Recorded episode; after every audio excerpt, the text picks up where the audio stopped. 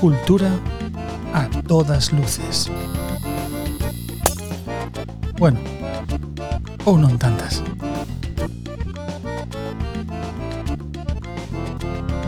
Un podcast de Revista Luces. Presentado por Pablo Carrera e Lois Blanco. Pois arrancamos entón. Pois isto ten outra entidade, eh? Flipas, con outra eh? Ostras. a temporada regular do programa e esta cabeceira que estamos estrenando hoxe eh, eh, bueno, a composición de David Lojo a quen lle damos as gracias por, por este temazo. David, David Lojo e as, e as voces tamén están. E voces, tamén están Roy, Roy e Juan. E Juan. Que forman parte do noso equipo, ademais. Efectivamente. Entón, hoxe, pois nada, arrancamos a, a temporada regular e para eso, pois temos con nós a Nuria Araújo e a Rui Vidal que están ao teléfono. Hola, benvidos. Está un pouco máis Hola, moi bo día, hola. E están aquí para falarnos, bueno, co, co motivo da celebración do Congreso sobre Roberto Vidal Bolaño, pois vamos a falar sobre a súa figura e sobre o propio Congreso tamén para presentalo e falar do que vai a ver, cando vai a ser e todo todo isto. O congreso vai ser o 10 de setembro. O 10 de setembro no Sábado. no centro Ramón Piñeiro, en Santiago. Sí, pero eso xa nos xa nos xa máis adiante. Logo xa vamos a, a velo con máis calma, mm. pero pero primeiro queremos poñer en contexto a figura de de Roberto, mm, así máis ou menos, para que a, a a xente se, se sitúe, vamos a, a facer un manual de de quen era este home, o congreso faise porque se fan este fin de semana eh, xa 20, no? 20 anos 20 do, da... do pasamento Correcto. de Roberto, que morreu o 11 de setembro de 2002. Efectivamente. Que aí nos, aí nos deixou. entonces vale un pouco tamén para homenaxealo este programa e situar. entonces lanza o audio 1 para situarnos teatro puro, é actor, é autor, é, é iluminador, é, é produtor, é o todo, non? No exercicio do seu traballo eh, pagou un precio porque Roberto era objetivamente unha un creador e un individuo excepcional dentro do, do panorama da cultura e sobre todo do teatro. Era molesto porque era xusto e era molesto, ademais, porque sempre se puña do lado dos, dos máis desfavorecidos. ¿no? Porque é difícil que alguén se atreva en, en momentos críticos dar un paso adiante. E él lo daba. Claro, así as consecuencias ás veces foron as que foron e, e pasámoslo moi mal.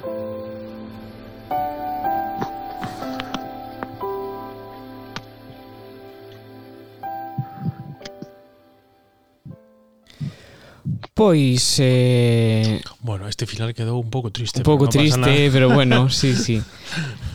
Pois eh, estas voces nos presentan un pouco a, a figura de Roberto e nos para empezar a falar del nos gustaría saber, bueno, coñecer un pouco cales foron os inicios de de Roberto no mundo da cultura en, en xeral. No sabemos que logo chegara ao teatro, pero bueno, como inici se iniciou Roberto en todo isto?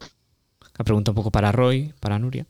Sí, pois mira, vamos a ver, eh, en realidade é un tema bastante eh, interesante, porque eu cando cando me propuxen facer a biografía sobre o meu pai mm. no 2013, pois unha das preguntas máis difíciles que eu tiña que responder eh, era eh, como como como chegou este rapaz de Vista Alegre dun barrio de, de clase baixa, eh, sen estudos superiores, como chegou a ser pois unha persoa tan importante para o teatro en Galicia e para, para a literatura para a cultura galega en xeral. Uh -huh. E bueno, pescudando, facendo entrevistas, eh, empezando pola miña propia boa, pola súa nai, pola, pola miña nai, a súa primeira muller, e por, por moita outra xente que el coñeceu na xuventude, Pois non sei por que extraño motivo, el sempre foi un rapaz, un, un adolescente, eh, moi interesado por todo o que tiña que ver coa cultura. Era como un friki adiantado ao seu tempo, un gafapasta adiantado ao seu tempo. É dicir, como un gafapasta, pero dos anos 60. Entón, te viña, te eh, viña de seria curiosidade, entonces. Sí, sí, sí, sí, ao parecer sí, era, era un rapaz moi moi espelido, moi moi inquieto e moi interesado no mundo da cultura e da política, da política na, na, na España dos anos 60. Entón, el en realidade onde, onde empeza onde empeza a vincularse a ese mundo público Pois é no, no xornalismo, que algo que despois, bueno, non, non seguiu, pero el, de alguna forma, conseguiu eh, eh, ser un, un redactor dunha folla parroquial que había en Santiago, no Castiñeiriño, eh, na parroquia de Fátima, na, na parroquia do Castiñeiriño. Teñan unha folla parroquial que se chama Fátima, se chama Fátima, uh -huh. e aí o, o Roberto de 16, 17 anos, pois publicaba columnas de opinión e eran columnas de opinión sobre a sociedade compostelana daquela época. Son textos que están en castelán, son textos que están inéditos, eh, que eu de alguma maneira eh, fusilei algún fragmento para a miña biografía e para fora de portas, pero en realidade ese é o inicio. Mm. Despois, mm. un pouco despois, xa na, en plena xuventude, xa con, con 20 anos, pois é cando el quere estudar cine. En realidade, eh, iso é algo que eu nunca me cansaría de repetir, porque el así o facía tamén. En realidade, el o que, o que sempre quixo era ser director de cine. Eh, e de feito, pois, cando ten 18 anos, el quería ir a estudar cine a, a Madrid, pero non sei por que razón, nese ano pechan a Escola de Cine de Madrid. Por eso non vai, senón ah. teria ido. E entón, bueno, acaba finalmente no, no equipo Lupa con, con Eloxo Ruibal e Félix Casado eh, e outra xente e aí, bueno, a historia xa é máis coñecida, non? A rei do equipo Lupa fan un obradoiro de, de teatro para, para aprender a actuar diante da cámara e, a, e por aí é onde entra no teatro, pero foi como case por casualidade. Sí, gracias a que, a que non pudiera estudiar cine, fíxate. Claro, debía ser esta escola mm. na que estudiaron Trueba e esta sí, xente, ¿no? claro. da que se fala sí, sí. en Madrid, a famosa escola esta que logo, logo pechou, que pues, estivo toda esa sí. xeración do cine. Claro. Nos falabas... Claro, a, a, a, de, a de Berlanga, a de, a de Bardén, que es, es, eles chegaron a tempo, claro. Claro, estaba aberta cando foron. Estaba aberta, sí. Non estaban ali, non tiñen que ir hasta ali. Que no, estaban ali, claro, tamén, é verdad. Claro. Sí, estaban sí. máis cerca. Que nos estás falando, Roy, do, do Santiago desa época, dos anos 60, dos anos 70, como era... Mm. Ahora que, que está máis este tema, no? Co, coa invasión turista deste verán, pues como mira, era o Santiago antes? Pois el nestas, nalgún dos artigos desta folla parroquial da que vos falo, Fátima, nesta folla parroquial do Castiñeriño, el, por exemplo, eh, nalgún artigo denuncia a, a escuridade que hai en algunhas rúas pola falta de iluminación. El pide que se poñan farolas en rúas da zona bella ou en rúas que van pois a zona vella cara cara aos barrios, concretamente o barrio de Vista Alegre que é onde el vivía e onde tiña que ir el polas noites. Se vía dar un mes en casa. entón era algo que el sufría, non? Claro. Eh, pois pois imagínade vos toda a rúa das Galeras, que é a rúa na que estaba o, o antigo Hospital Xeral. Uh -huh. Ai, sí, onde está eu, bueno, supoño que ti tamén, pero onde está o estadio de Santa Isabel, sí. toda esa rúa que vai do Pombal ata Vista Alegre, onde está a sede, a sede das GAE, uh -huh. e, e a casa natal de, de meu pai. Pois toda esa rúa era... Non había nada, había só árbores, era un camiño destes rodeados de árbores, e eran árbores destes frondosos, que as follas iban dun lado a outro, o sea que debía ser tamén unha rúa bastante sombría, e bastante escura, e moi longa. Longuísima, eh? sí, sí. Sí. Despois en hai ten outro outra columna eh moi interesante na que el eh, de alguma maneira satiriza os costumes eh, da, digamos, da, da mediana burguesía compostelana. El fala dunha procesión eh, e di que a xente vai nesa procesión pois como toda eh, eh, humilde, toda beatífica, e el de alguma maneira os acusa de, de hipócritas e de estar disfrazadas esas persoas que en realidade o resto do ano non son tan devotas. Entón xa xa xa pois na en plena adolescencia el xa xa deixa sair unha unha vertente que que tivo el despois no seu teatro que foi o de criticar a a propia sociedade galega do seu tempo. Uh -huh. Claro. Que era ese punto analista da sociedade galega, non? Sí, ese punto analista, ese punto crítico, un pouco tamén, incluso un, un punto moralista, o estilo do, do teatro de Molière, non? Que tiña el. Uh. Sí, queríamos tamén, mm, antes que, que deixábamos o punto cando el chega ao teatro, e, bueno, unha das cousas máis importantes que fixo Roberto foi esa loita pola profesionalización do teatro en Galicia e aí uh -huh. é onde se volve moi importante Rivadavia en concreto pola, pola mostra e pola xeración abrente entón queríamos ir a ese punto porque sei que Nuria tamén o, o controla para que nos mm. que hai unha nos contedes sobre anécdota que podemos contar que sobre podemos contar ti. Que pasou cando cando chegachedes a Rivadavia coa, coa compañía? Quen vos axudou? Eh, sí. Eh, xente pensa que isto que, que mentira pero Eh, bueno, teño, que... teño aquí un documento conforme, bueno, pois pues nós, o grupo Itaca do, do Liceo de Vila García, éramos uns rapaces, eh, os adolescentes, a maioría de nós, eh, dirixidos por Eduardo Puceiro, que sí que tiña unha experiencia profesional e teatral en, en Madrid, e, bueno, volveu a súa terra e dixo, bueno, vou aquí a ensayar un grupo de, de rapaces que, interesados polo teatro. E, eh, vale, coincidimos ese ano 80, eh, que mm, precisamente despois de nós eh, presentaba eh, teu pai Bailadela ali na, na igrexa de noite Vin, de, o que lle chaman ali no museo mm, Abrente, no museo etnolóxico de Rivadavia que está depositada toda esa colección Abrente o que les uh -huh. chaman a folla de datos non que me, me chamou muitísima atención porque uh -huh. aparte das características técnicas de, de cantos vatios necesitan, cantos enchufes, eh, eh, un mínimo que ten el escenario, pois tamén hai unha preferencia que si queren aire libre, si queren a igrexa, si que queren, non? Entonces, bueno, teu pai ali cubre que no, que eles prefiren mellor horario de noite e xusto mm, que, que o espectáculo se realice dentro dunha igrexa. Bueno, entón, nos íamos en horario da tarde, horario infantil, con as laranxas, máis laranxas, todas as laranxas de ah. Carlos Casares, uh -huh, sí. lóxicamente, e Y, bueno, de enchufe no sabíamos prácticamente nada. Bueno, de casi nada sabíamos. ¿no?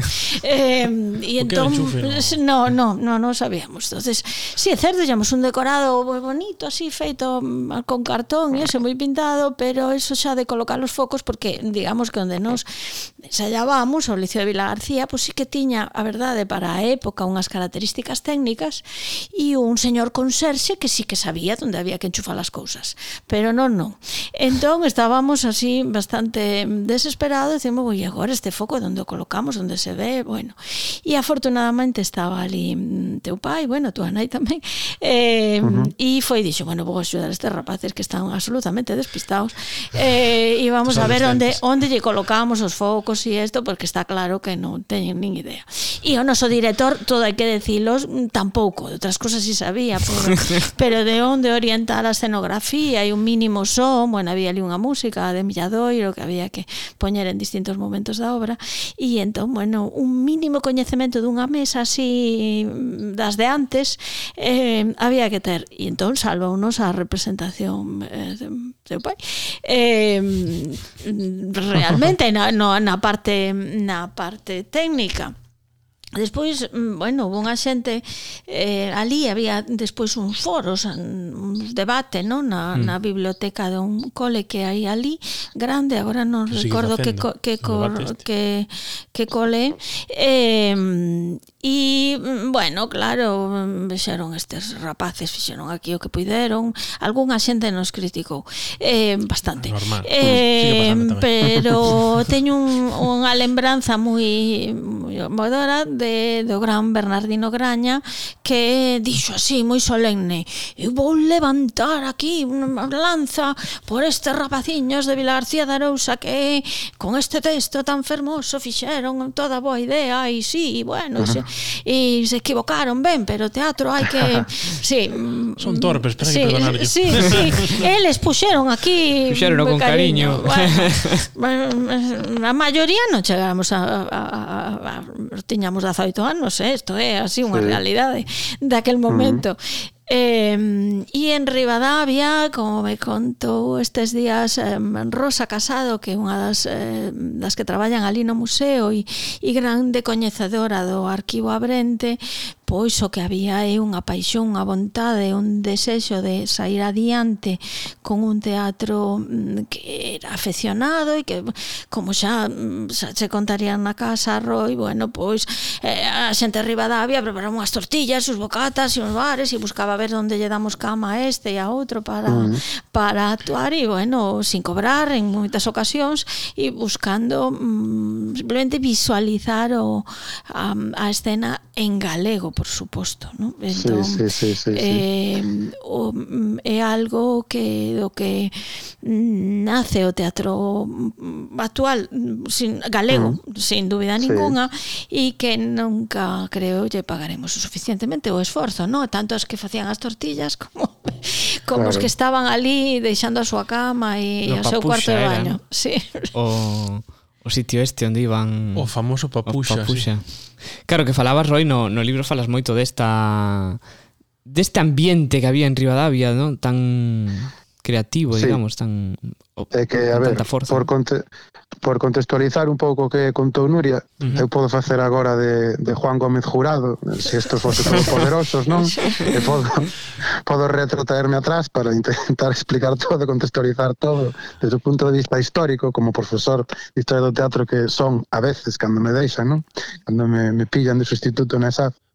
Claro, é que eh, cando falamos de Rivadavia estamos falando de unha mostra de teatro uh -huh. que tivo lugar en Rivadavia eh, do 74 ao 80 e que empezou pois cunha asociación cultural, que é a Asociación Cultural Abrente, que era unha asociación cultural da época, como, como, como había tantas a partir dos anos 60, como, como o Galo de Compostela, o Facho da Coruña e outras, non? Que siguen. Que nos an, Vamos. que nos que siguen, uh -huh. e que son asociacións culturais que, que nos anos 60 un pouco son as que eh, están defendendo e, e promovendo todo o que ten que ver coa cultura galega eh, dunha maneira tamén pois de defensa da lingua, de defensa da, da tradición, nun contexto que o contexto do franquismo que non era favorable a todo isto, non? Sí, que só permitía este tipo de este tipo de loita política só, só era permitido pois por unha por unha vertente cultural, non? Entón, eh, estas, esta xente de Abrente, pois o que fan é organizar un festival de teatro, que non é o que, o que existe hoxe en Rivadavia, que, que é anterior, porque houve aí unha, un, unha elipse no, no que o festival non, non existiu, pero é, eh, pois, digamos, o, o momento fundacional do teatro galego contemporáneo, porque cando as, as, as poucas compañías de, de teatro aficionado que, que, que facían teatro en galego, pois se xuntan, eh, falan entre elas, se coñecen, eh, todos os todos os anos repiten, van a Rivadavia, eh, vense os uns aos outros, e é un auténtico eh, caldo de cultivo para, para unha, unha xeración que a, esta xeración, pues, que Damián Villaleín chama xeración do, dos, do 78, ou xeración de Rivadavia, Mm. Pois que esta xeración a que pertencían os meus pais, a que pertence a, pois eh, Ernesto Chao, Rosa Álvarez, que son de Rivadavia, que eran membros da asociación, claro.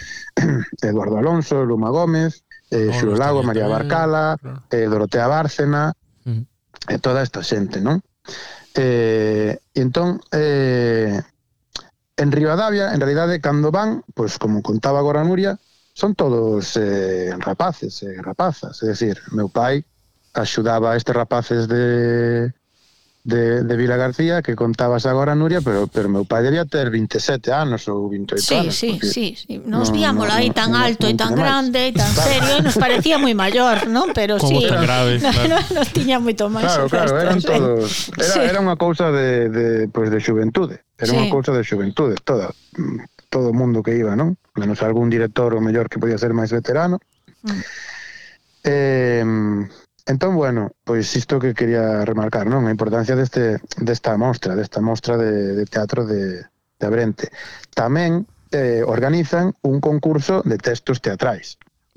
Efectivamente. Eh, sí. E que a partir de aí, onde seguramente mellor xente que nos escoita, coñece pois, a etiqueta esta de xeración Abrente, que se estuda nos que se estuda Sale nos ¿no? libros, sí. en secundaria, sale nos libros, que sobre todo se menciona sempre pois a meu pai, Vidal Bolaño, a Manuel Lourenzo e a Euloxio Rodríguez Ruibal, non? Isto recibe este nome de Xeración Abrente polo premio que organiza a, a Asociación Abrente de Rivadavia eh, é un premio que se falla, que se concede durante este festival de teatro. Claro, eso sigue sendo así. Sí, sí. Y, eso, eso es, y que sí, ti que tamén gañaches, non? Sí. E que eu gañei tamén, sí, Houve sí, un sí, ano sí. que sí. Sí, houve un ano que sí. sí. Eh, eh, entón, estaba, estaba intentando eh, eh, acordarme. Per, eh, perdoa que se interrumpa. Eh, dous datiños así para que a xente se poña un pouco en contexto, porque eu cando vin ali aqueles papéis que dei, bueno, alucinada. Por un lado, o que eh, sacou o museo, verdade, un libro de unha profesora de Historia da Arte que se chama Sabela Fraga, onde la analiza todo o fenómeno da Rivadavia do, do, das primeiras mostras, pero a parte mm, de dos das pinturas, das obras de arte que moita xente, despois mm. nomes importantísimos da, da cultura e da pintura, como Menchulamas e eso, cedían a Brente, non, sí. para vendelas e recada, bueno, ter uns cartiños para para poder mm. manter esa mostra, non? Eh, entón uh -huh. esta profesora, bueno, pois pues, fai un estudo e todo o que foi o fenómeno cultural. E despois, por outro lado, un dato que eu quedei tanto traballada, digo, en serio, Roy, eh, os primeiros premios, eh, estamos falando de eso, 74, 75, 76, sí. rondaban entre as 25.000 pesetas e as 40.000, uh -huh. non? Que xa uh -huh. era unha cantidade que claro, ti, mm. tiñan que ir facendo sí. un esforzo para conseguila moi grande, non? E sí, o sí, sí. premio da última edición do ano 80, que levou teu pai, eh, mm. foron ni máis ni menos que 100.000 pesetas que eu decía, eh, sí, sí, sí, e decía 100.000 pesetas. Mm". Eso en euros de hoxe canto é? Eh? eh, pois pues eso estou intentando eu calcular, non son capaz. 600, 600 sí, 600. é dicir, unha cantidade claro, inflación, claro, máis, que inflación é algo, serán mm, como mil. Isto conseguiuse despois de ah. moita loita, como ti ben dís, xente como Ernesto, como Rosa Álvarez que a, o falecemento de Ernesto depositou ali no museo e toda a documentación persoal que tiñan eles e todo isto. Uh mm. -huh. Há moitas subvencións que se pediron con moitísimo papeleo a mm, bueno, pois pues a Madrid, non, ao Ministerio de Educación, e Cultura en Madrid, que realmente era quen eh, quen puido permitir que, que o premio chegase por acadar esta cantidade, pero foi todo moito traballo, eh? estamos falando de 100.000 pesetas do ano 80 que, que bueno, mm, había que cosas, cubrir cosa, había que cubrir moito papel e ir a moito registro que non había internet. Bueno, ese, ese é un clásico que sigue, ¿no? Hai que cubrir moito formulario. Non había PDF. Entonces, no había PDF, PDF no ni, ni en liña, ni, ni en liña, ni nada. Había que ir ali coa carpeta e un montón de, de, de orzamentos para que o funcionario de turno mm, dese o, o visto bon, a, a tanto gasto. Pois, sí. mira, ahora que falamos de cartos, Eh, claro, que, que non sabía, non sabía en realidade eh, a cuantía do, do premio, non? Eh, Pero, mira claro, ali, claro, mira... e quedei a, a, a cadros, digo, ui. Pero mira que importantes son os cartos, eh? Porque Sí, sí. Vou a, vou a coller o fío outra vez un pouco atrás. Sí, Dale, sí. sí, sí, claro. Como chega Vidal Bolaño a Rivadavia? Bueno, como En xa dixen antes, él está Sí, en coche, pero non conducía nin él nin miña nai. Eso en realidade non sei como, como iban, non sei como iban. Iban ir bus, con, entonces. Con, con amigos ou en bus, eso non o sei. Pero como chega desde o punto de vista histórico, home. Xa, xa, xa era por... Vamos a ver. Él está facendo cine co equipo Lupa uh eh, -huh. nos anos 70, desde os 72, creo. Eh, e el participa en, en varias películas, incluso hai unha que, que, que dirixe ele que creo que é, se non lembro mal, a dos Generais do Ulla ou, ou unha desas. O equipo Lupa é un grupo de cine amateur que facían facían filmes un pouco documentais sobre manifestacións para teatrais da cultura galega como sobre todo Antroido, ou outras cousas como a procesión das mortallas, eh, este tipo de, de manifestacións eh, para teatrais, que se chaman así. Uh -huh. Mm. Que sempre eh, lle interesaron bueno, moito, ademais, a teu pai, verdade? Bueno, pero interesaronlle seguramente a raíz de coñecelas co equipo Lupa. Ah, ah pues non é, sí, sí, claro. claro non, é que lle, sí, non é que lle interesasen de antes. Sí. Porque se si tives os títulos e os temas destas películas de Lupa, moitas deles son temas e intereses que vai ter meu pai despois. Pero a primeira vez que os manifesta é aí, con, con Lupa, non? Bueno, pois pues Lupa hai un momento que que eso, que, que montan unha, un grupo de teatro que se chamaba Obradoiro de Investigación Teatral ou algo así, Obradoiro, algo así. Uh -huh. E aí contactan con, con Xaquín García Marcos, que era un actor que estaba traballando en Ditea, que era sí. a compañía de teatro aficionado importante de Santiago, dirixida por Agustín Magán. Uh -huh. Eh, a Sala, Agustín Maga, que, honra. E o sí, grupo sigue sí, sí, existindo, sí. eh? Dite. Que o grupo sigue existindo, está un pouquiño parado, pero sigue existindo. Uh -huh. E sí. Eh, e bueno, Ditea é unha compañía que, por certo, e isto é unha, unha paréntese, é a compañía que facía os autos sacramentais na Praza da Quintana eh, no Día do Apóstolo e na Festa do Corpus e utilizaban toda esta escalinata grande que hai ali na Praza da Quintana como escenario que facían uh -huh. sacramentais que eran espectaculares. E aí foi onde o neno Vidal Bolaño viu teatro por primeira vez e quedou impresionado con iso. Bueno, pois el coñece a Xaquín García Marcos, que era un actor de Editea, e cando Lupa desaparece porque entra en crise, el decide pois seguir probando con iso do teatro, pero unha cousa nova que el pois, pois que el non, non facía, non? Uh -huh. E de aí cando fundan Teatro Antroido que é a primeira compañía.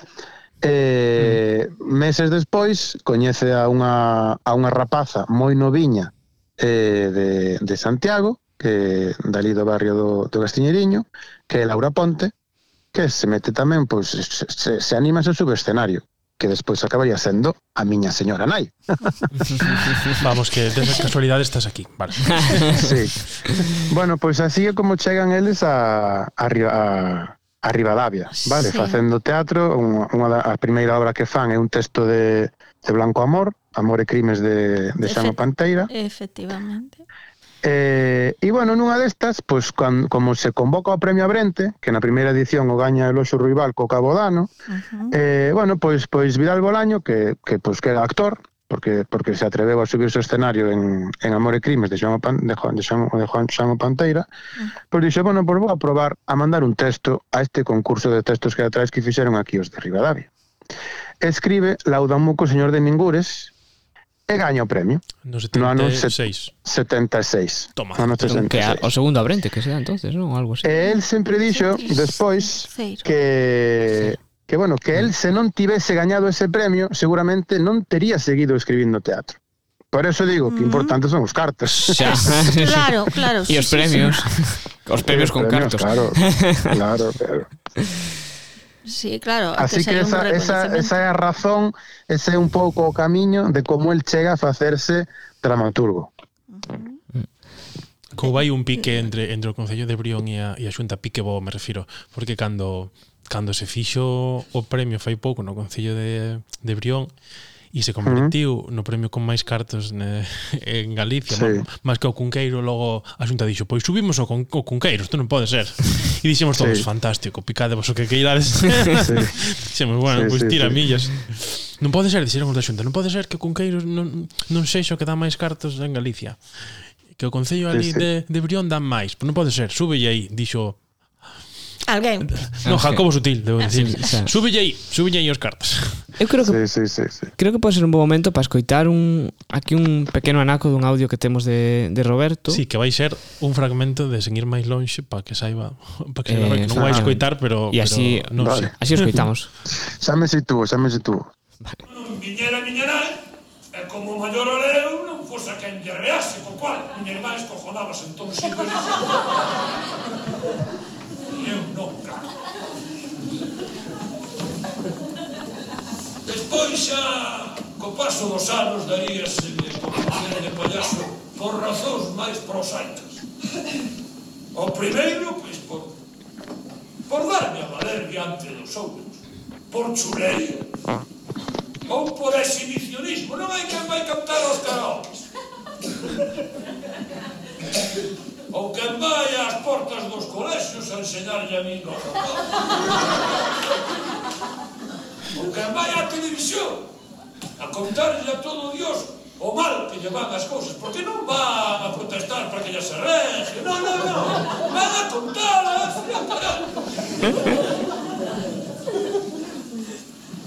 pois a Balsani deuseme sempre por facer o payaso. Pois a min deuseme sempre por, for, por fer o payaso. Remata o audio. pois a, ver, min... a ver se adiviño, a ver se adiviño. Estaba falando de cando puxo nariz de payaso estaba intentando facer rir a súa irmá pequena. Sí. Eh, sí, sí, ¿no? Eh, sí. estos que van a televisión a enseñar a mi, a, a, a contar as miserias as ali. miserias. Por que non van a queixarse, ah. non? Van ali a Van ali a contar sí, sí, a súa sí. vida. Está, está fantástico. Estaba anticipando cosas tamén, estaba falando de Sálvame. E está fantástico escutar a voz de Roberto porque isto nos leva a un capítulo importante da súa vida que foi a dobraxe pero a mí me interesa, Roy, xa que estás con este rollo Juan Gómez Jurado por que acaba Roberto digamos na dobraxe unha especie de, de refuxio Sí. De onde ven, no? Queremos entrar un pouco Sí, sí, o lío un de gasallo un de, pouco de gasallo lío, sombras. Este é a clave, que máis os dous sabedes un montón so- sobre ese tema. O lío co, co CDG e o e gasallo Queredes que falemos diso? Iso é moi interesante. Sí, eh? Sí, queremos, claro que sí. sí, claro que Temos sí. aquí anotado eh, sin pudores. Sí, sí, porque sabemos bueno, que vamos hubo, a ver. sí. Vamos a ver. E bueno, eh, antes habría que falar de que eh, os meus pais, Vidal Borén e Laura Ponte, no 78, bueno, o que un pouco mencionastes algo así, por, antes, así por riba, eles dan o salto a profesionalización. Sí. Non? Uh -huh. eh. Porque, bueno, ata ese momento toda a xente que facía teatro en galego en no mundo, iba a decir en Galicia, pero... No mundo mundial, que, que diría eh, teatro galego, no, sí. Claro, no, no universo mundo, como sí. diría meu pai, pois era teatro aficionado. Era xente claro. que iban por aí e eh, non cobraba, pero simplemente pois lle pagaban os gastos e a, e a comida.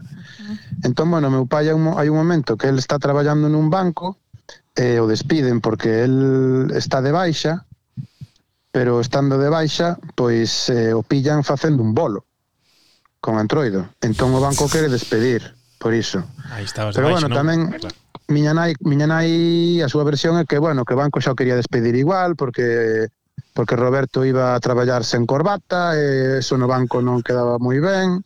Era un banco que estaba na Praza de Cervantes, en Santiago, na Praza do Pan. Creo que era Banco Gallego ou algo así. Bueno, o caso é que o despiden. Entón, pois, o, o, a parella, o matrimonio, Vidal Ponte, que son os meus apelidos, claro. pois quedan, quedan, sen, quedan sen fonte de ingresos.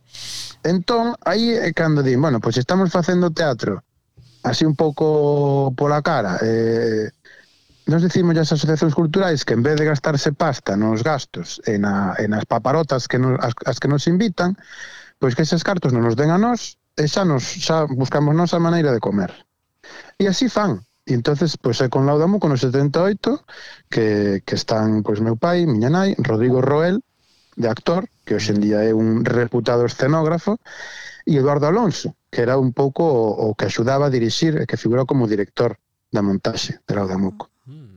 E entonces é a primeira vez que fan unha función cobrando cartos. Fan o 16 de maio do 78 na, no teatro que hai no Instituto de La Salle, ali, ali en Santiago. Claro, e por eso se, e por eso se di que Roberto é o pai do teatro profesional galego. Pero esta, por esta, pero esta foi a primeira representación, digamos, profesional do teatro en Galicia? Naceu sí, aí, claro, ese esa, día? Esa, ese día, 16 de maio do 78. O digo sí, para reforzar a data, porque... Claro, claro, claro. Parece importante. Sí, sí, que de, que de feito é o día no que se falla o premio ao Damuco, sí. eh, 16 de maio. Ah, e por iso sí, ese día. Sí, Alberto ah, Escudero sempre lembra no entrega a Damuco efectivamente o que ti estás contando que sí. é eh, a, a estrea non profesional do teatro sí. en galego. Sí, sí. sí sí, sí. E bueno, non, non é que, que sexa Vidal Bolaño o pai do teatro galego, senón que Vidal Bolaño e Laura Ponte son os pais do teatro galego, ademais de ser os meus. o sea, que o teatro galego é o meu irmán, digamos. Claro, decir, ¿no? Qué bonito, eh? sí, Foi antroido como bueno, compañía, ¿no? Claro. Claro. Mm pouco despois xa houve outras, pouco despois xa a compañía de, de Antonio Simón Troula, eh, Antonio Simón e Manuel Manquiña, días despois ou semanas despois tamén fan unha función cobrando, eh? foi pouco despois. De feito xa en Abrente, nas últimas mostras de Abrente, xa a asociación envíalle aos grupos unha especie de fichas que teñen que cubrir uh -huh. e algúns grupos hai unha pregunta que di profesional ou non profesional e algúns grupos poñen tendente a profesionalización. Sí, vin, vin, o sea, vin unhas desas tiñan... follas, efectivamente. Claro. Sí, Temos intencións de, claro, claro. É bonita esa expresión. Claro. Sí. Estamos aí. Xa tiñan intencións de profesionalizarse. Sí, sí, sí. Bueno, pois Antroido ten unha, unha trayectoria ascendente, despois de Laudamuco fan eh, Memoria de Mortos Ausentes, fan, empezan a facer teatro de monicreques para adultos, co romance dos figos de ouro, tamén para tamén para, para crianzas, co por tou da lúa do sol, uh -huh. eh, no 80 fan, fan Bailadela, que foi un sí. espectáculo moi exitoso, e eh, no 83 Sí, tamén O leva Abrente. Abrente. Sí. En 83 fan Percival outras historias que foi, digamos, pois o sumum da estética de Teatro Antroido, que era unha versión dos, dos relatos de, de Ferrín, Sí. pero que era un espectáculo eh, multidisciplinar, con, con xigantes cabezudos, máscaras, actores monicreques, eh, música de Wagner, e que aquelo debía ser impresionante. E levaron un premio por, por, por Sí, Castilla, un premio ¿no? por en Valladolid. espectáculo, ves? Un, un premio Que de vin Valladolid. antes, tienen estudiando. Sí. Ah, moi ben, moi ben, moi ben. Pois bueno, pois chegamos ao 84 e pois créase o Centro Dramático Galego porque hai un goberno un pouquiño afín e hai un director xeral de cultura o que a xunta lle di hai que facer algo, temos moitos cartos, hai que facer algo. Entonces, bueno, contactan coa xente da, das compañías e a xente das compañías teñen un pequeno debate din que, que facemos, unha escola ou un centro dramático? Al ao final decántase por un centro dramático. Uh -huh. e, e así como se crea o CDG no 84. O CDG estrease cun espectáculo dirixido por Xuro Lago, que é o Boisek, de Wigner, porque non puideron facer Divinas Palabras de Valle Inclán, porque non se podía traducir. Sí. tempo o segundo espectáculo que fai o CDG... Morris, por certo. Sí. Mm. Sí, que protagonizaba Morris. Ah, okay, e o segundo sí. espectáculo é Agasallo de sombras, que é un texto de Vidal Bolaño sobre Rosalía de Castro. Moi polémico. E bueno, resulta que na xira, na xira, o sea, na, na promoción deste espectáculo, antes da estrea, meu pai fai unhas declaracións nunha roda de prensa dicindo que os políticos eh, galegos eh, non lles interesa nada o teatro eh, parece que apoian o teatro por obligación, e que en realidad non teñen ningún compromiso coa cultura do país e tal e cual. Entón parece ser que a raíz desa, de que esas, que esas declaracións non sentaron moi ben, e eh, a partir de aí foi cando a él non lle deixaron figurar no elenco do seguinte espectáculo do CDG, que era Follas Novas, que dirixía Dorotea Bárcena. Él iba a figurar mm. como actor, pero eh, pois hai, hai, hai alguén que di non, Vidal Bolaño non pode ser actor nesta compañía. E ese é o famoso veto, ese é o ah. famoso veto do CDG Vidal Bolaño. Que, bueno, pois en, en principio o veto non se sabe se si viña imposto desde a Xunta ou se si foi cousa de Eduardo Alonso, que era o que figuraba como director do CDG nese momento. O caso é que eh, meu pai pois eh, intenta pois, pois organiza unha asamblea entre a xente que está traballando nese momento no centro e pide apoios e a maioría da xente pois pois non lle dá apoio. Hai algunhas persoas que sí, bueno, eles sempre mencionan a Xulio Lago, por exemplo, que sí, que lle dá o seu apoio, pero digamos que el sentiuse un pouco traicionado polos seus compañeros e compañeras de profesión. Hai unha reunión da Asociación de Actores, ¿no? que se fixo... Da sí, que bueno, falas, non existía tino, ainda a asociación. Tiene un libro onde hai este...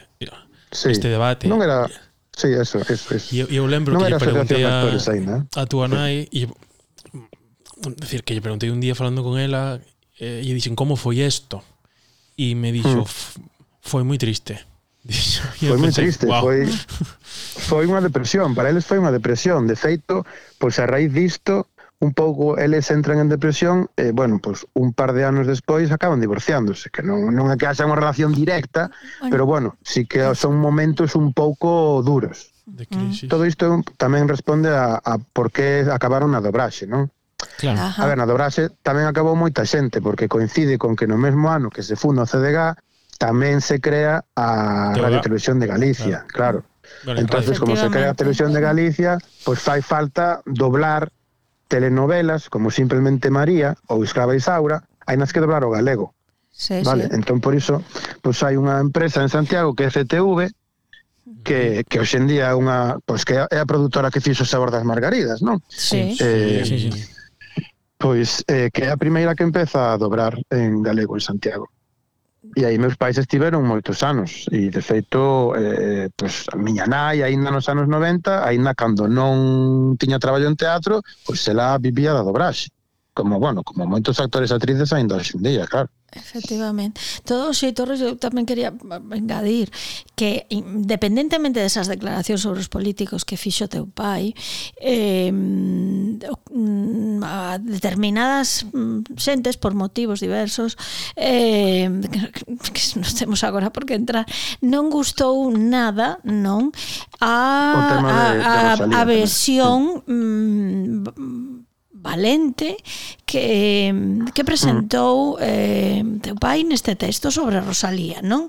Unha sí. Rosalía que se ve que, se, que nos fai reflexionar ata que punto eh, a, a súa escrita en galego foi unha decisión súa ou de Murguía, ata que mm. punto eh, foi facendo o que ela quería ou non, ou se viu como tiña que ser para a maior parte das mulleres da época, eh, con constrinxida aí por pola, bueno, polas circunstancias económicas, familiares, como nai, bueno, todas as dificultades sí. que os libros de historia eh, uh -huh. de, ese matrimonio Murguía Rosalía e bueno, esta, este aspecto que usei perfectamente porque o vin contar e ensinar papéis que teu pai eh, pescudou sobre uh -huh. eh, bueno, pues ese especial tamaño do órgano viril do señor Murguía, non? Que tanto daba que falar ás eh, pobres prostitutas do, do Pombal e ido do que mm. hai mm, fe documental, científica mm, e médica, non?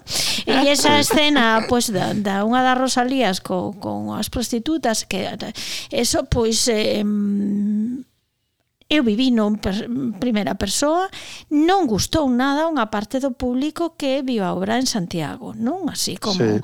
bueno, uh -huh. que atrevemento, e que era como lixar sí. a figura rosaliana cando ela se sentía em, empática con aquela pobre muller prostituta, non? Eh, uh -huh. E é un texto tremendamente feminista dos das sí. moitas escenas feministas que ten teu pai nas súas sí. moitas obras eh, e esa no, novísima visión sobre a santa Rosalía non? Claro. Eh, uh -huh. costoulle caro eh?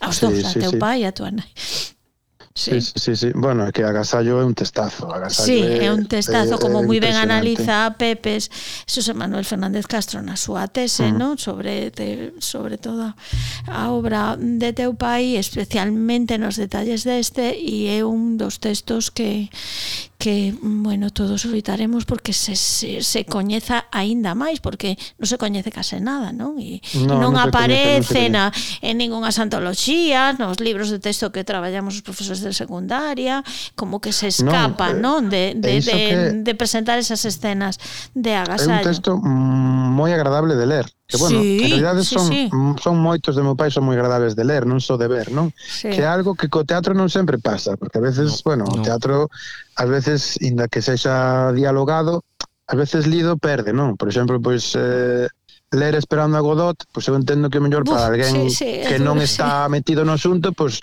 non ten moito sentido, non?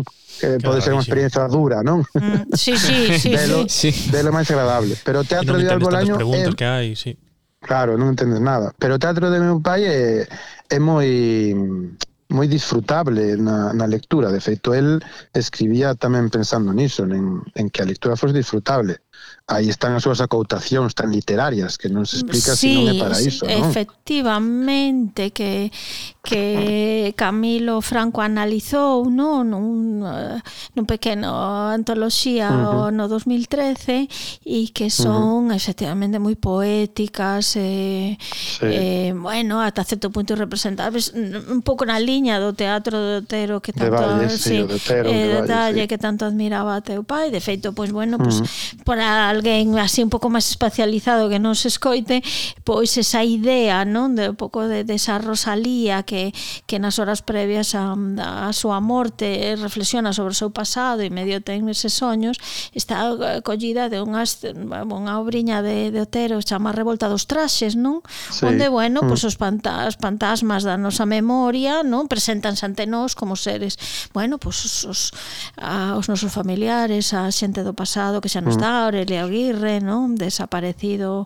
non sabemos, suicidado na Praia do Orzán, el di que non, que simplemente pois que que se deixou de pola, levar pola marea, é fermosísimo esa, esa escena tamén. Mm. Eh, eh, bueno, pois eh, eh, o teatro non, non ten que, mm, por que ser puramente só representable para o escenógrafo, tamén fermoso para ler e que non poida ir sí, a esa representación, non?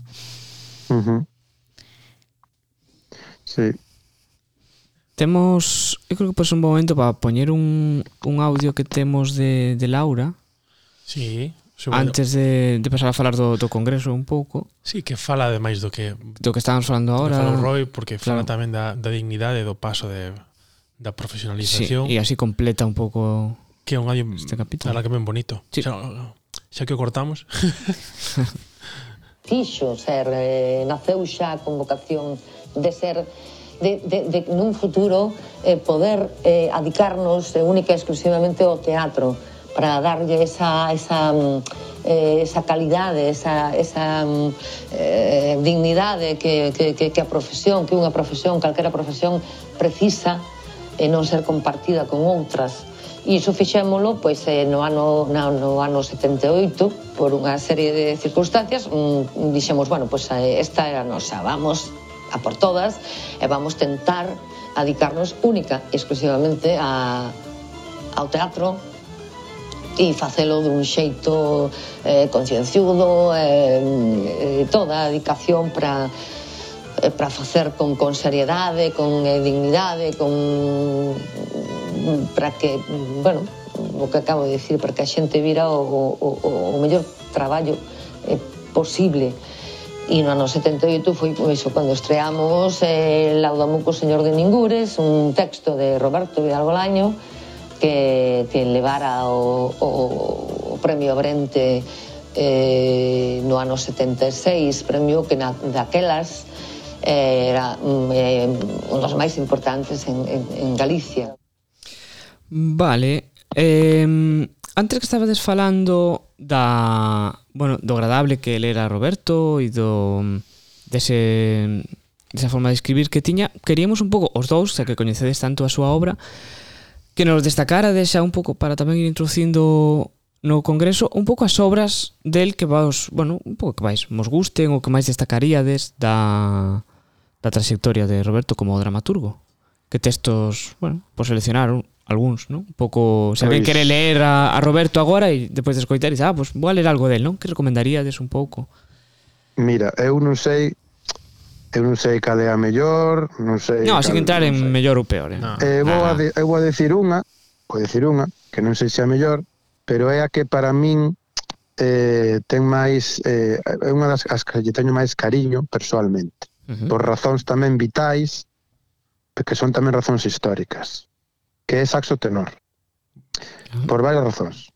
Saxo tenor é o texto co que el regresa os escenarios despois dunha paréntese de, de varios anos. Por todo este tema bobeto e tal, el quedou apartado, non quiso mm. saber nada do teatro galego, como dis, refuxouse no mundo da dobraxe, tamén no mundo do audiovisual, el volveu a facer eh, de alguma maneira audiovisual, el traballou nunha empresa de publicidade, en Olympus Comunicación, onde el facía anuncios. Pois había un dos primeiros anuncios de Pernela Gallega, eh, estaba dirixido por el, por exemplo.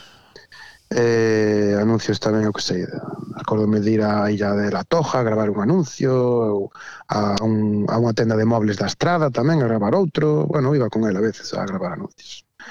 Eh, eh, no ano 91 eh, convócase o premio Álvaro Cunqueiro eh, e Belén Quintáns, que é a, a parella de meu pai nesta, nesta época, que é a súa segunda muller, pois de alguma maneira insístelle. Roberto, tens que volver a escribir. Ti eras un escritor moi coñecido. Non sei se mellor xa saían os libros daquela, supoño que sí. tens que volver a escribir. Pero meu, meu pai, en principio, estaba renegara do teatro. Sabedes, el renegara do teatro. Claro. Entón, sí. bueno, parece ser que Belén o, o consigue convencer coa excusa de que hai un novo premio, que é o premio Álvaro Cunqueiro, que concede un millón de pesetas das antigas pesetas, ni máis ni menos. Pero pouca cousa. Entón, ele, ele escribe saxo tenor e gaña o premio, outra vez. E a partir de aí, pois montan a compañía, montan teatro do aquí, e pois ten toda unha trayectoria de, de éxito e que, que ocupa toda a década dos anos 90 ata a súa claro. morte. Claro. Entón, saxo tenor para min é o, é o primeiro texto que eu vivín, digamos, en directo. Porque cando no 84 el abandonou o teatro, eu tiña dous anos. Claro, claro. Entendedes? Entón, sí, sí. eu teño algún, teño algún recordo de ver a meu pai actuando en Capri de Die, que é un espectáculo do 85, que tivo algún bolo no 86, teño algún recordo de velo saudar, sabes? Pero bueno, sí, pero claro, eras, así, eras, eras moi neno, moi pequeno. Claro pero no 91 pois xa tiña, eu xa era preadolescente. Entón eu acordome de que meu pai me ia pasando as, as primeiras versións de, de saxo tenor. E eu, eu lin saxo tenor antes de que se presentase o premio, antes de que se publicase, antes de que se antes dos primeiros ensaios. E bueno, para min era unha gozada. Era, era unha pasada, porque era un rollo truculento, de cine negro, pero no que os personaxes falaban cunha mala hostia impresionante xa tiña ese rollo vallinclaniano, un pouco esperpéntico pero urbano, e, e hai algúns fragmentos que eu sabía de memoria. Agora xa non. pero hai algúns fragmentos que me facían moitísima gracia, porque hai un macarra que entraba en moto e decía cousas como que miras momia con pelos, eh, non sei, cousas así que a min me, me, a min me flipaban, me flipaban. E eu tiña pois 10 anos, 11 anos.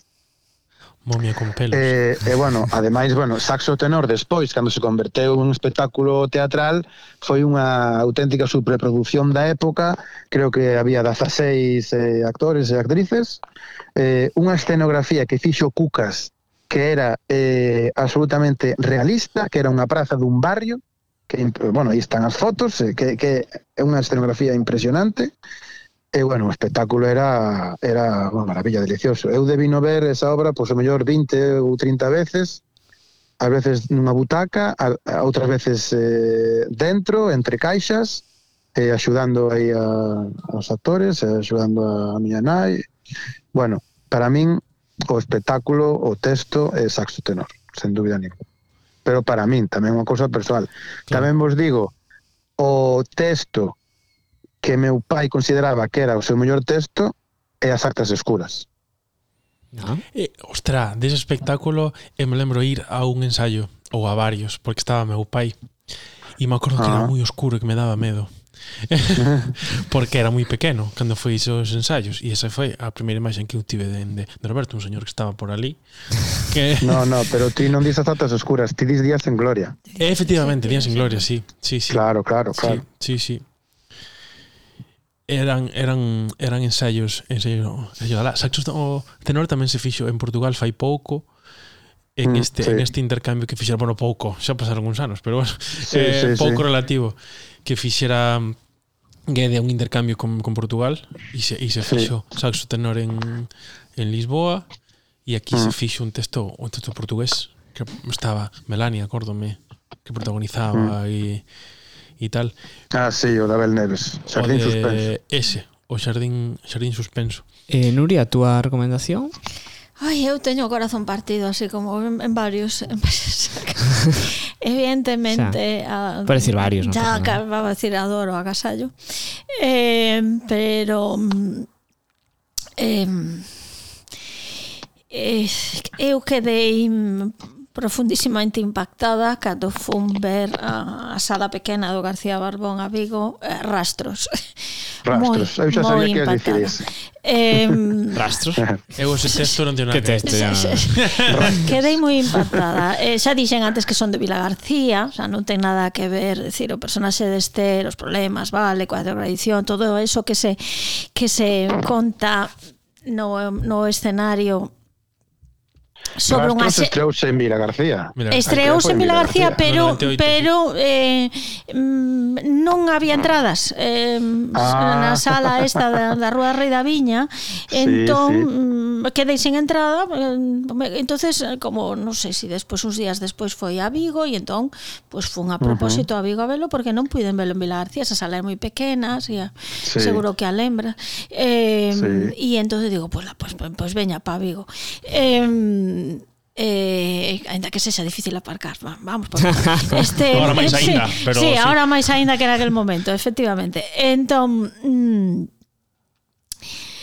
Claro, estaba contando mm, mm, a historia da miña xeración mm, ou, claro. ou, ou similar, non? Eh, sí. Pero ademais de, de todo aquilo que se viviu nos anos 80 e nos primeiros 90, esa, esa Esther é un pouco, non sei, casi todas somos Esther no sentido de vivir mm. para os demais, non? Uh -huh. E de esa amiga que está sempre aí para escoitar escoitarte, aínda que independentemente da súa adicción, que ou adicións que todos temos de, mm. de algún tipo, non? Unhas non están ben vistas e outras sí, pois pues, tamén mm. esta adicción adición a mm. ler compulsivamente, vale? Sí. Eh, pois pues, é esa esa Esther que está sempre disposta a apoiar a, aos amigos, a a pensar máis eh, nos demais que en si sí mesma.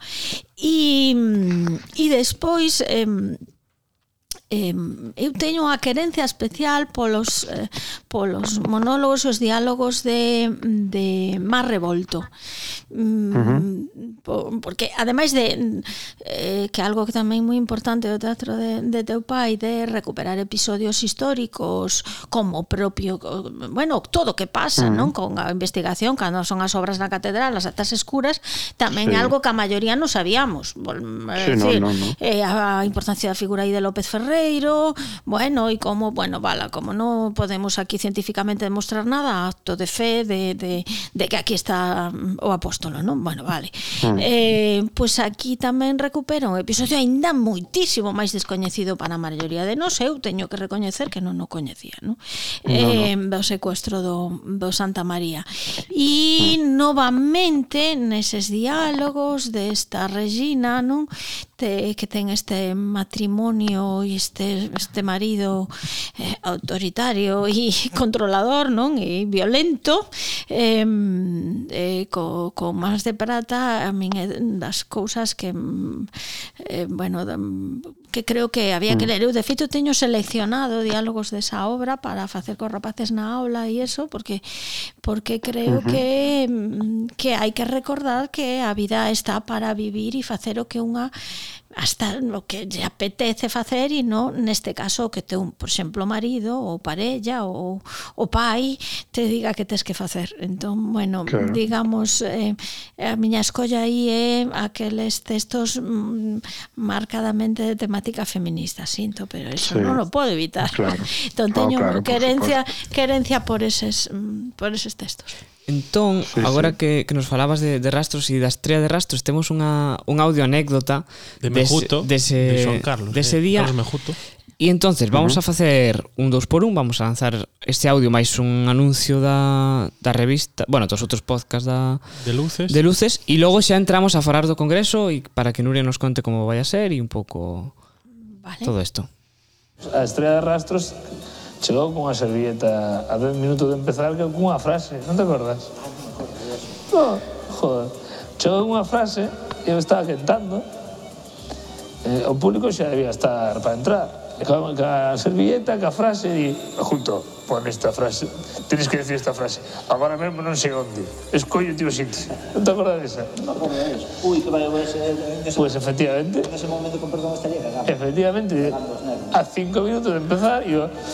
Eu, eh, pues, vale, a, a frases, e, e dándolle voltas á cabeza en que, en que parte de toda a obra tiña, eh, era axeitada para decir a frase. Chegou un momento, eu dixo a frase tartamudei. e o final da, da, da, da, do espectáculo ven Roberto da Mamán e dice efectivamente, lo justo, el sitio era aí, ahora la próxima vez no tartamudees.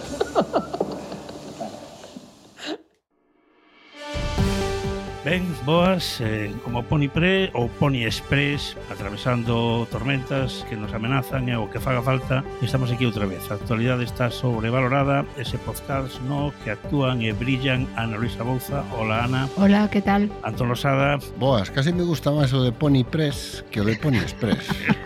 Si, sí, temos máis que ver coa información que con correos. Pues, Aparte sí. de, de pequeno sempre quixen ter un pony. Eh, joder, todo o mundo. Como cada mércores en luces.gal a actualidade está sobrevalorada. Contoume Juto, que Roy non, non escoitou, que na estrella de rastros... Emela García. Roberto chegou cunha frase, chegoulle cunha frase e lle dixo pon esta frase donde queiras, non sei donde, da igual.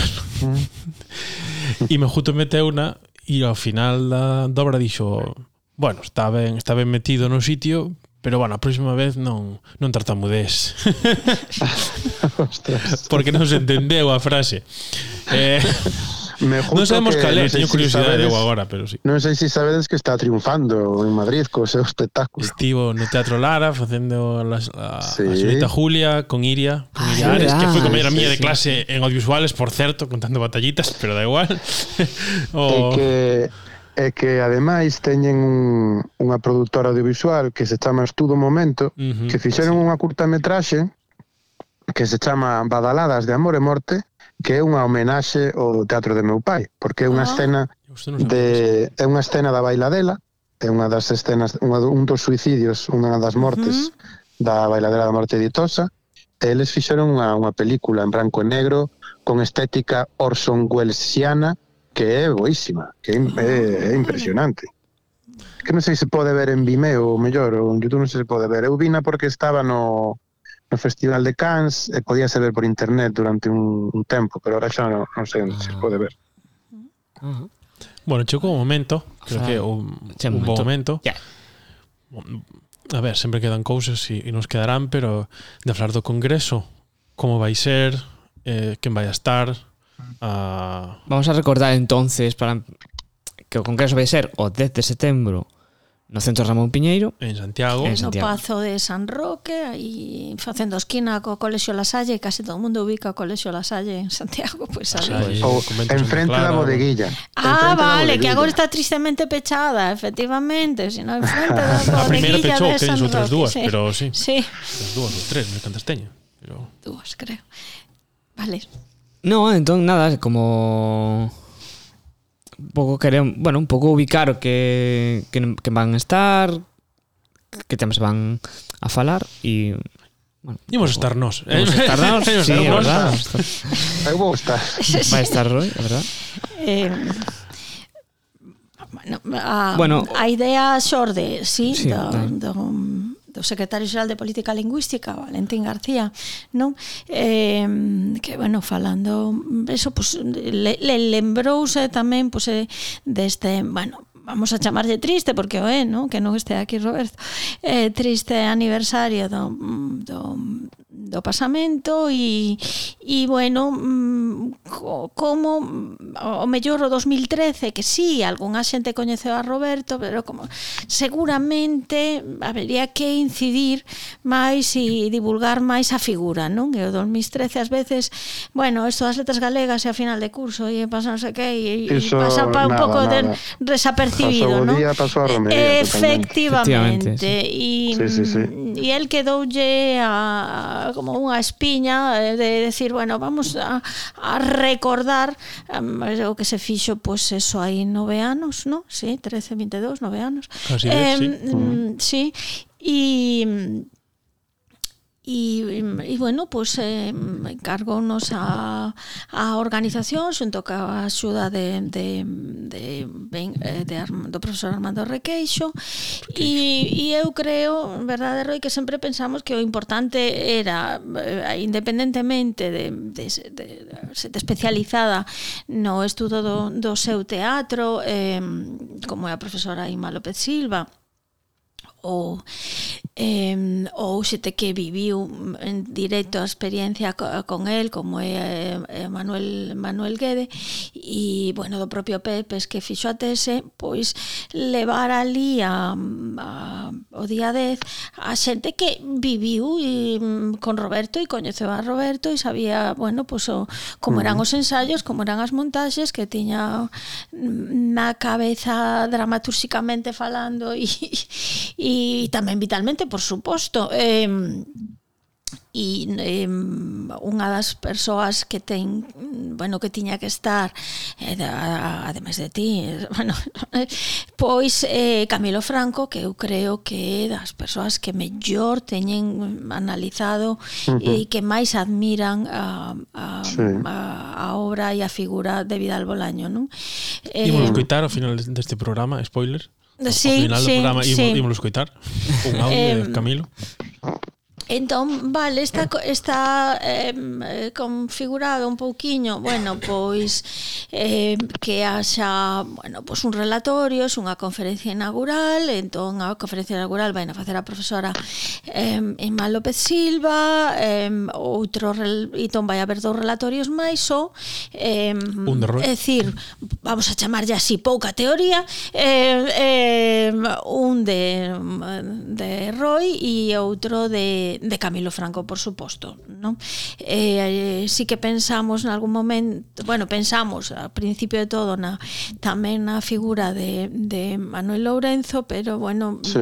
non temos garantizado que poida estar ese día por motivos de saúde, non se encontrará moi ben e bueno, para ele sair da casa e estar aí, desplazarse mm. a Santiago, entón, bueno, xa veremos se si temos a sorte de que nos acompañe, ainda que son minutiños e eso. Mm. Despois o resto, o que non son os, as exposicións, vamos a chamarlle un poquinho máis teóricas ou así, eh, vai estar configurado en mesas redondas. Vale, sí. para co seu correspondente moderador, moderadora eh, sobre pois pues vale, vai a ver a túa Roy, mm, que podes falar dela Sí. Claro, pa que, e despois ah, a mesa. falo así, a mesa, sí, sí a mesa bueno, máis mesa... a mesa máis de escena. A mesa máis escénica, es, sí, máis, efectivamente. Máis de, das tabuas, máis de eso da xente é. do mundillo. Eso sí, sí, é, sí. eso é.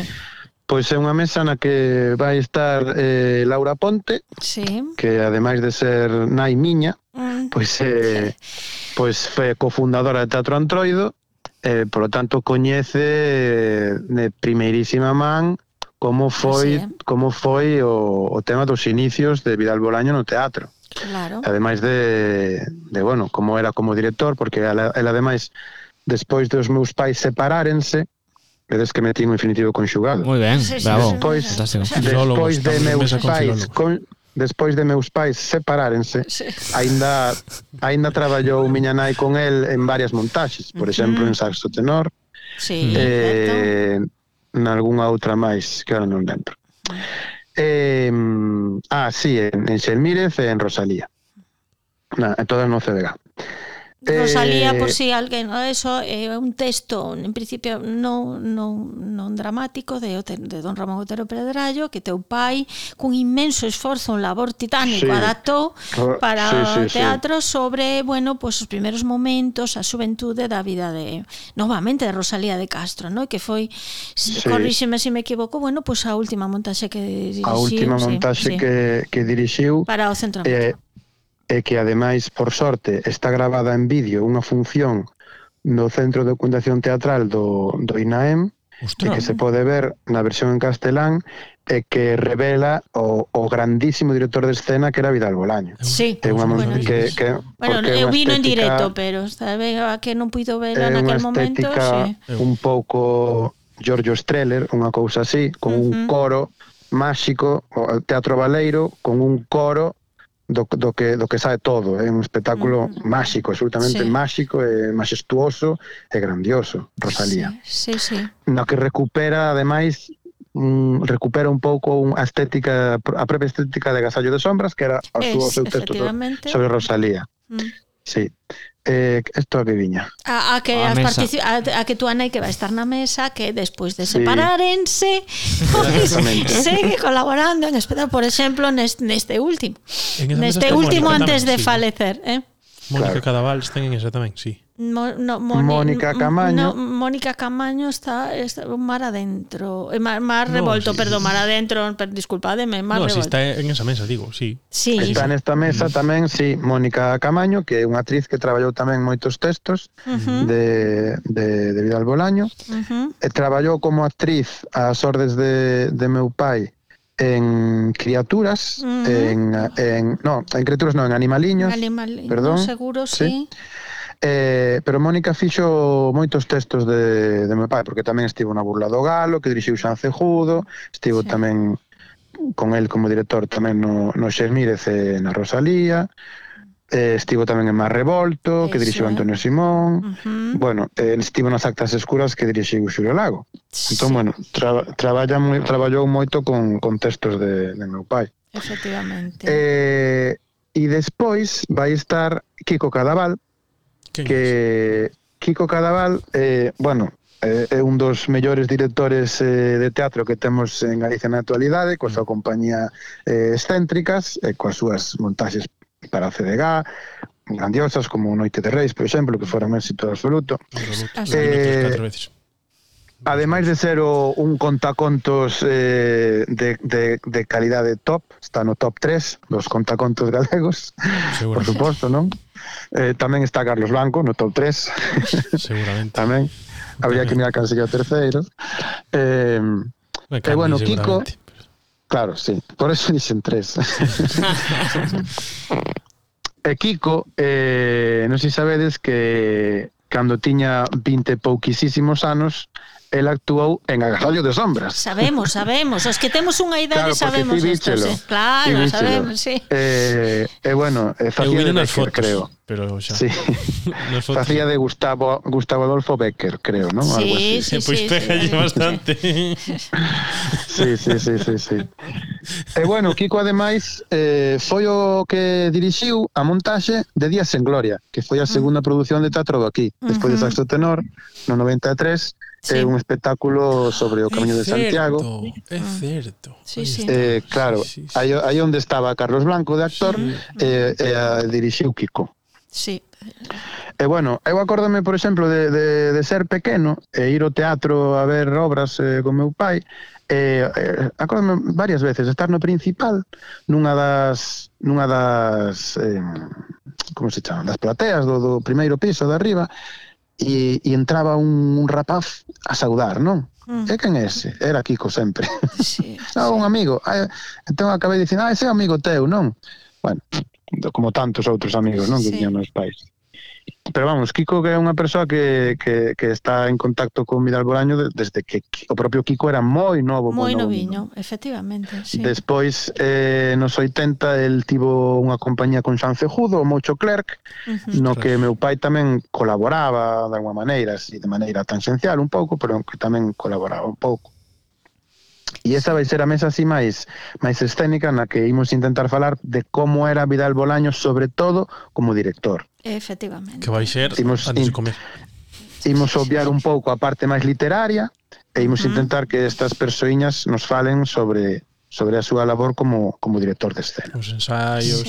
Sí, sí. Nuria, para, para mm, xa para ir indo hacia o final, eh, a xente que se quere inscribir que ah, sí, ir ali, onde o ten que facer, como? eh, a ver, mm, PDF, temos claro. aquí mm, eh, dúas clases de persoas, vale, as clases de persoas que traballamos para a Consellería de Educación.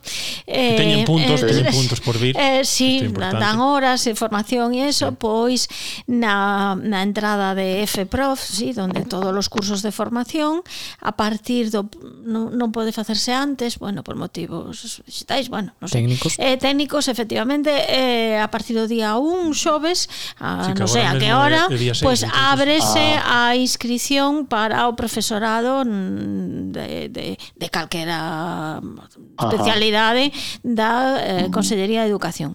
E pero moitas mm, sí. eh, nos de físicas, de matemáticas, sí, sí, Tamén sí, sí, mm, sí, sí, os de educación infantil, quen queira.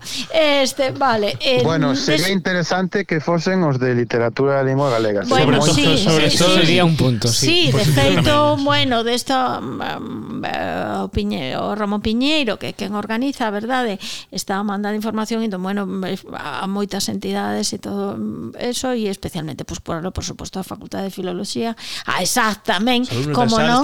Sí. Ben que vi, que eh, no, no, tamén se, se mando información a, a, a ESAC e despois eh, a outra clase de persoas que non traballen para a Consellería de que existen Educación, tamén, existen, que existen, pois eh, é moi fácil. Chaman ao teléfono que figuran nas páxinas agora non sei de memoria, eh, do Ramón Piñeiro, preguntan por un home moi eficiente de Rianxo que se chama Manuel Anxo, eh, que está ao tanto de como vai isto, entonces crea aí como unha listaxe de espazo hai para toda aquela xente que queira e inscribirse por, porque lle interesa a figura e non, non ten vinculación ninguna coa Consellería de Educación e sin problema ningún, gratuitamente, bueno, todo todo gratuito.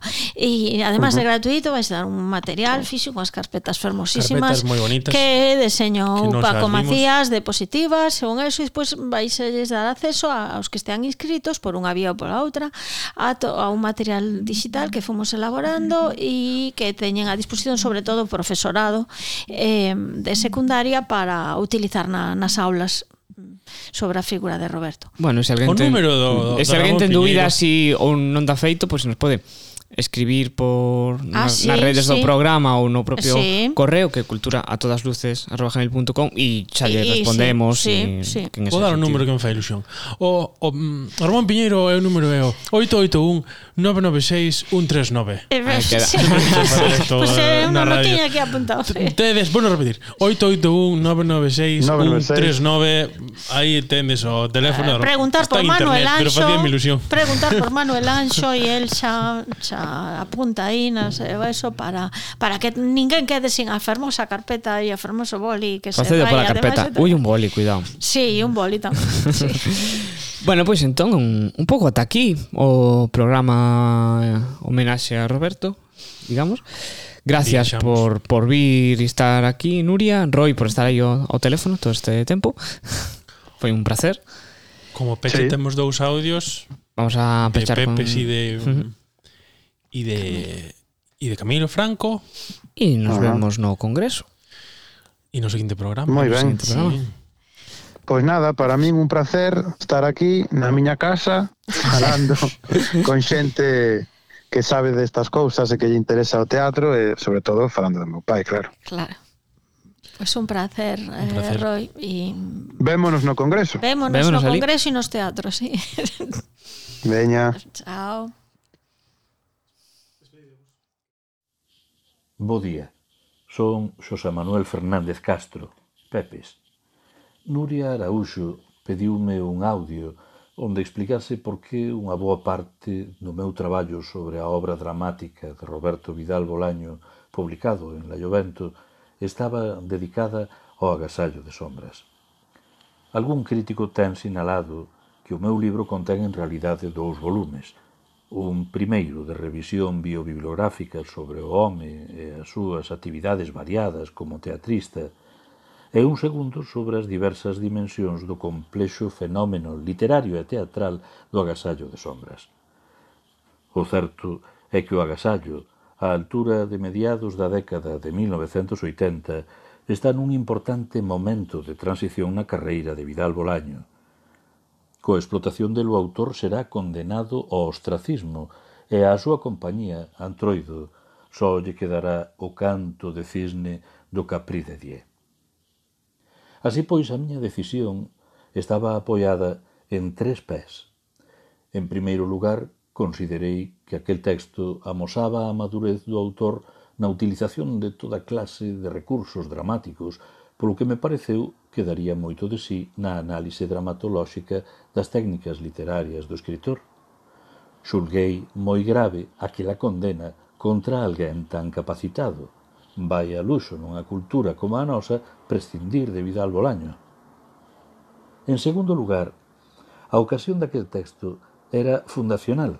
Tratábase da primeira superproducción completamente galega do noso teatro institucional e conviña penetrar nos segredos dos sentidos da proposta que doadamente podían pasar por alto nunha lectura superficial, nomeadamente polo protagonismo de Rosalía e as ideas previas sobre a súa biografía, que podían dificultar a comprensión da nova dimensión que o autor procurou imprimirlle a aquela figura simbólica de Galiza, a de alguén que se debate ante a posibilidade de autodeterminación e que remata desbotándola. Visión verdadeiramente original e chea de coraxe que debeu contrariar a tirios e troianos naquela altura. E en terceiro lugar, por un motivo prosaico, pero que é necesario lembrar nesta hora, o feito de que o agasallo de sombras fose unha montaxe inaugural do teatro institucional galego – favoreceu o seguimento da súa explotación escénica, quedando un completísimo dossier de prensa a disposición dos investigadores no desaparecido Centro de Documentación do IGAEM. Isto obriga a que nos preguntemos hoxe por todo aquel valiosísimo material que tanta luz podería deitar en investigacións futuras, e que din que está á sombra dunhas caixas de mudanzas en Ningures, o señorío de Lautamuco. Hai 20 anos que Roberto Vidal Bolaño marchou porque tiña que marchar. E a estas alturas eh, da vida eh, quizáis a pregunta que deberíamos facernos non é como era a obra de Roberto Vidal Bolaño sino que estuvemos facendo nós eh, nestes 20 anos con ela e sobre todo para que serviron as advertencias que o autor foi facendo naquela época sobre o tempo que lle cadrou. Hai unha insistencia moi habitual eh, moi reiterada sobre a multitarefa de Vidal Bolaño de si era capaz de ser ao mesmo tempo productor, director, actor, escenógrafo, e si todas esas cousas non conformaban unha especie de home do Renacemento, eh, en casi todas eh, eses apuntamentos biográficos esquecemos unha cousa fundamental eh, que ten que ver, digamos, coa maneira en que clasificamos a vida que, que Roberto Vidal Bolaño era basicamente un escritor. E isto nos debería levar a esa idea de por que consideramos sempre eh, a narrativa ou a, a, ou a poesía como elementos superiores na creación literaria e deixamos eh, a capacidade eh, literaria do teatro como nun limbo no que os autores son recoñecidos eh, por eh, escribir argumentos, pero non son recoñecidos como vos literatos. Eu creo que, que Roberto Vidal Bolaño é o mellor escritor que deu Galicia eh, digamos no último cuarto de século XX e por un motivo fundamental, non, non só porque el escribira eh, máis ou menos ben, non só porque el eh, finalmente era un escritor cuidadoso coas palabras, sino porque era un escritor que a pesar das súas, eh, como lle diríamos, das súas urxencias, como responsable dunha compañía, foi moi cuidadoso cos argumentos e realmente eh, deberíamos valorar que os argumentos son o, a principal ferramenta dun escritor. E hai que pensar que ningún escritor, nin, nin narrador, nin poeta, ninguna escritora, nin narradora, nin poeta, foi capaz de definir tamén a Galicia da última parte do século XX como o fixo mm, Roberto Vidal Bolaño, porque a partir de Saxo Tenor o retrato que crea eh, do país no que vive eh, e ese retrato desencantado ou ese retrato frustrado e por veces cabreado de Vidal Bolaño eh, significa quizáis, eh, ou sin quizáis, o millor retrato da Galicia coetánea a él, da Galicia contemporánea daquela época, esa Galicia que tiñe, que viu ou que fixo que se frustraran casi todas as esperanzas que estaban máis ou menos vivas nunha parte da poboación en 1975, por exemplo, por poñer unha data. Eu creo que temos que reivindicar a ese Vidal Bolaño que sendo a figura definitiva do teatro galego é tamén a figura definitiva do da literatura galega. E isto tampouco nos debería estar, estar, extrañar tanto, porque Galicia tampouco sería a única nación que ten como referente literario a un dramaturgo.